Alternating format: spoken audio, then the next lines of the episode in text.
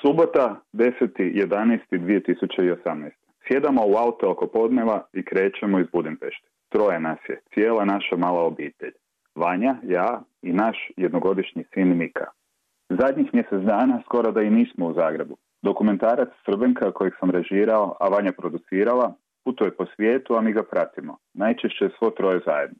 Iako Mika ima obje bake, još uvijek ga ne ostavljamo samog s njima. Nemirno spava, budi se po noći vrišteći i mislimo da je za sada najbolje za sve da se ne odvaja predugo od roditelja. Zato je Mika u prvoj godini već proputovao pola Evrope. I danas se turneja nastavlja. Odlazimo prema Beogradu s jednog filmskog festivala prema drugom. Iz Budimpešte nosim gorčinu svojih mađarskih kolega.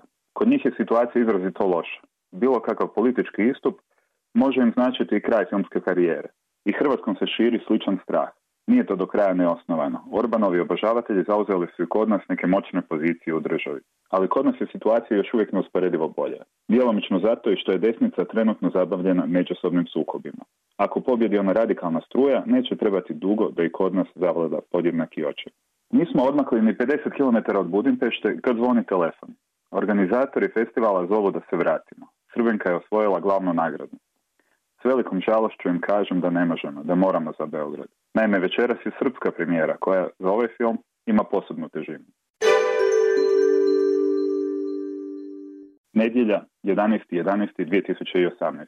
Sabirem dojmove sa sinoćnje premijere. Srbenka je film o 12-godišnjoj Nini, srpkinje koja živi u Hrvatskoj i skriva svoju nacionalnost u strahu da će ju druga djeca u školi maltretirati. Film su unaprijed napali ekstremni desničari u Hrvatskoj, a prigrolila njihova braća po mržnju u Srbiji. Stoga sam srpsku premijeru dočekao s većom tremom nego što je uobičajeno. Razmišljao sam da film ne prikažemo u Srbiji, no uvjerili su me da je to besmisleno. Umjesto toga, odabrali smo za premijeru festival Slobodna zona, posvećen ljudskim pravima. I izbor je bio pravi. Projekcija prolazi mirnije nego što sam očekivao, Razgovor s publikom nakon filma traje dugo, ali pitanja su vrlo korektna, čak analitička, bez generalizacija i banalizacija. Razgovor završava jedna gledateljica opaskom da su je moje režijske intervencije u filmu suvišne, da je narušavaju dokumentarizam. Smijem se. Možda je u pravu, ali ja sam redatelj dokumentarnih filmova i ne znam što bih radio osim režijskih intervencija. Ponedjeljak 12.11.2018. Sljedeće dvije projekcije bile su zanimljivije. Nedjeljna matineja bila iznimno posjećena. Došlo je preko stotinu ljudi. Nije to samo zbog filma. Nakon projekcije uslijedio je panel s posebnim gostom, Miljenkom Jergovićem. Jergović sjajno artikulira ono što mislim. Govori publici. Dobro pazite kako gledate Srbenku. Vi nemate pravo identificirati se sa Ninom, već samo s onima zbog kojih se Nina osjeća loš.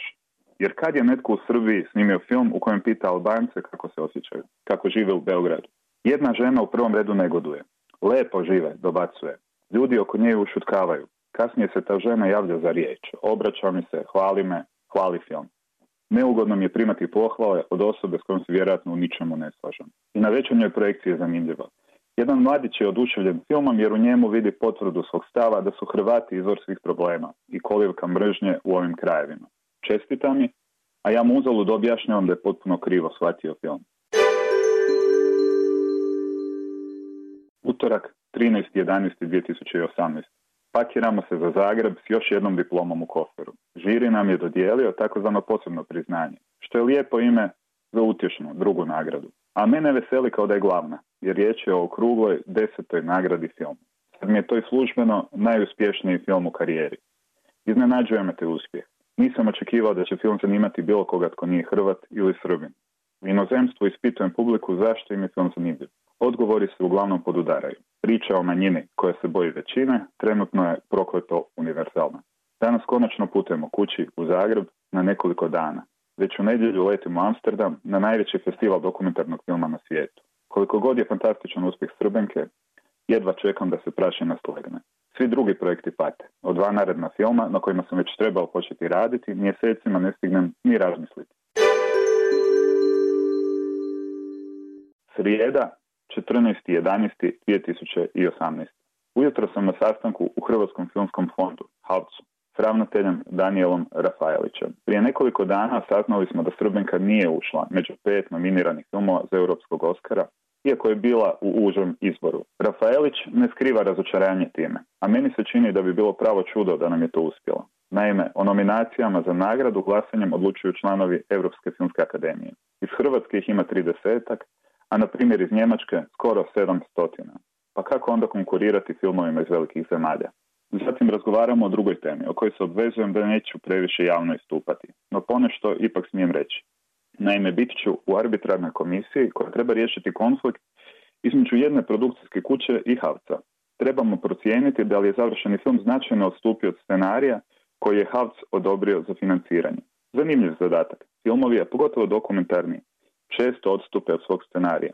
Da li ih zbog toga treba kažnjavati i gdje je granica kršenja umjetničke slobode? S druge strane, koja je svrha odobravanja scenarija ako ga se autor ne mora pridržavati? Četvrtak, 15.11.2018. Današnji dan ugodno je monoton. Jutro provodim kod kuće, igrajući se s Mikom. Promatram ga dok radi nekoliko nesigurnih koraka držeći se za ormarić od televizora. Oduševljeno mu plješćem jer to su mu prvi koraci u životu. No Mika me ne primjećuje. Sva njegova pažnja usmjerena je na taj mračni predmet želje, toliko privlačan da je zbog njega i prohodao. Naravno, riječ je o daljinskom upravljaču televizora. Konačno ga dohvati i prislanja na uhu, osluškuje kao da je mobitel. Mobiteli su mu obsesija, ali i svi ostali uređaji s ekranom ili tipkama. Vanja i ja smo čvrsto odlučili da pokušamo Miku prvih par godina držati podalje od ekrana, no trudno mi je uzaludan. Već smo u tome omanuli. A kako i ne bismo kad mu pružimo tako loš primjer? Pokušao sam jednom izbrojati sve ekrane koje imamo u kući, no odustao sam nakon što sam došao do deset. I sad me Mika promatra kako tipka, pa vrišti i ne prestaje dok ga ne podignem u krilo i ne dopustimo da i on malo nabija po tastaturi. Petak, 16.11.2018. Danas me dočekuje najgora strana bavljenja dokumentarnim filmom. Prije mjesec dana završio sam televizijski film koji se bavi iračkom obitelji azilanata u Zagrebu. U kvartu u kojem su smješteni, Zagrebčani nisu dočekali raširenih ruku. Uzajamni zazor i nepovjerenje kulminirao je prije par mjeseci fizičkim sukobom. Zagreb nije navikao na strance, pogotovo ne na one iz dalekih kultura. Gotovo svaka izbjeglička obitelj smještena u Zagreb susrela se s neugodnostima. Film završava uvjetnim happy endom. Jedna dobronamjerna susjeda sprijateljuje se s majkom obitelji i postaje most između starosjedioca i pridašlica. A sad me ta susjeda zove sa zahtjevom da ju izražem iz filma. U tjednima nakon završetka snimanja njihov labavi odnos je popucao. Jedna dvosmislena SMS poruka je uništila sve. Slijede dugi telefonski razgovori, pokušaj pomirenja s još uvijek neizvjesnim rezultatom. Uvjeravam ju da je film gotov, da ne možemo više ništa mijenjati, da ne mogu odgovarati za ono što se dogodilo nakon završetka snimanja. No s druge strane imam i razumijevanja za tu osobu. Svatko je vlasnik svog života i svog lika i trebao bi imati pravo birati gdje će se i kako pojaviti. Sve više sam svjestan tragične istine. Dokumentarni film je zasnovan na paradoksu. Najuspješniji su oni filmovi koji razotkrivaju ono što netko skriva. U biti dokumentarce je zadiranje u tuđu privatnost. Zato je Kosakovski jednom rekao, dobri dokumentaristi, loši su ljudi. Zato se Dvorcevoj prestao baviti dokumentarcima, obrazloživši to tvrdnjom da se počeo osjećati kao vampir. U ovakvim danima razmišljam da slijedim njegov primjer, no to će ostati na nivou maštarije iz banalnog razloga. Ne znam ništa drugo raditi.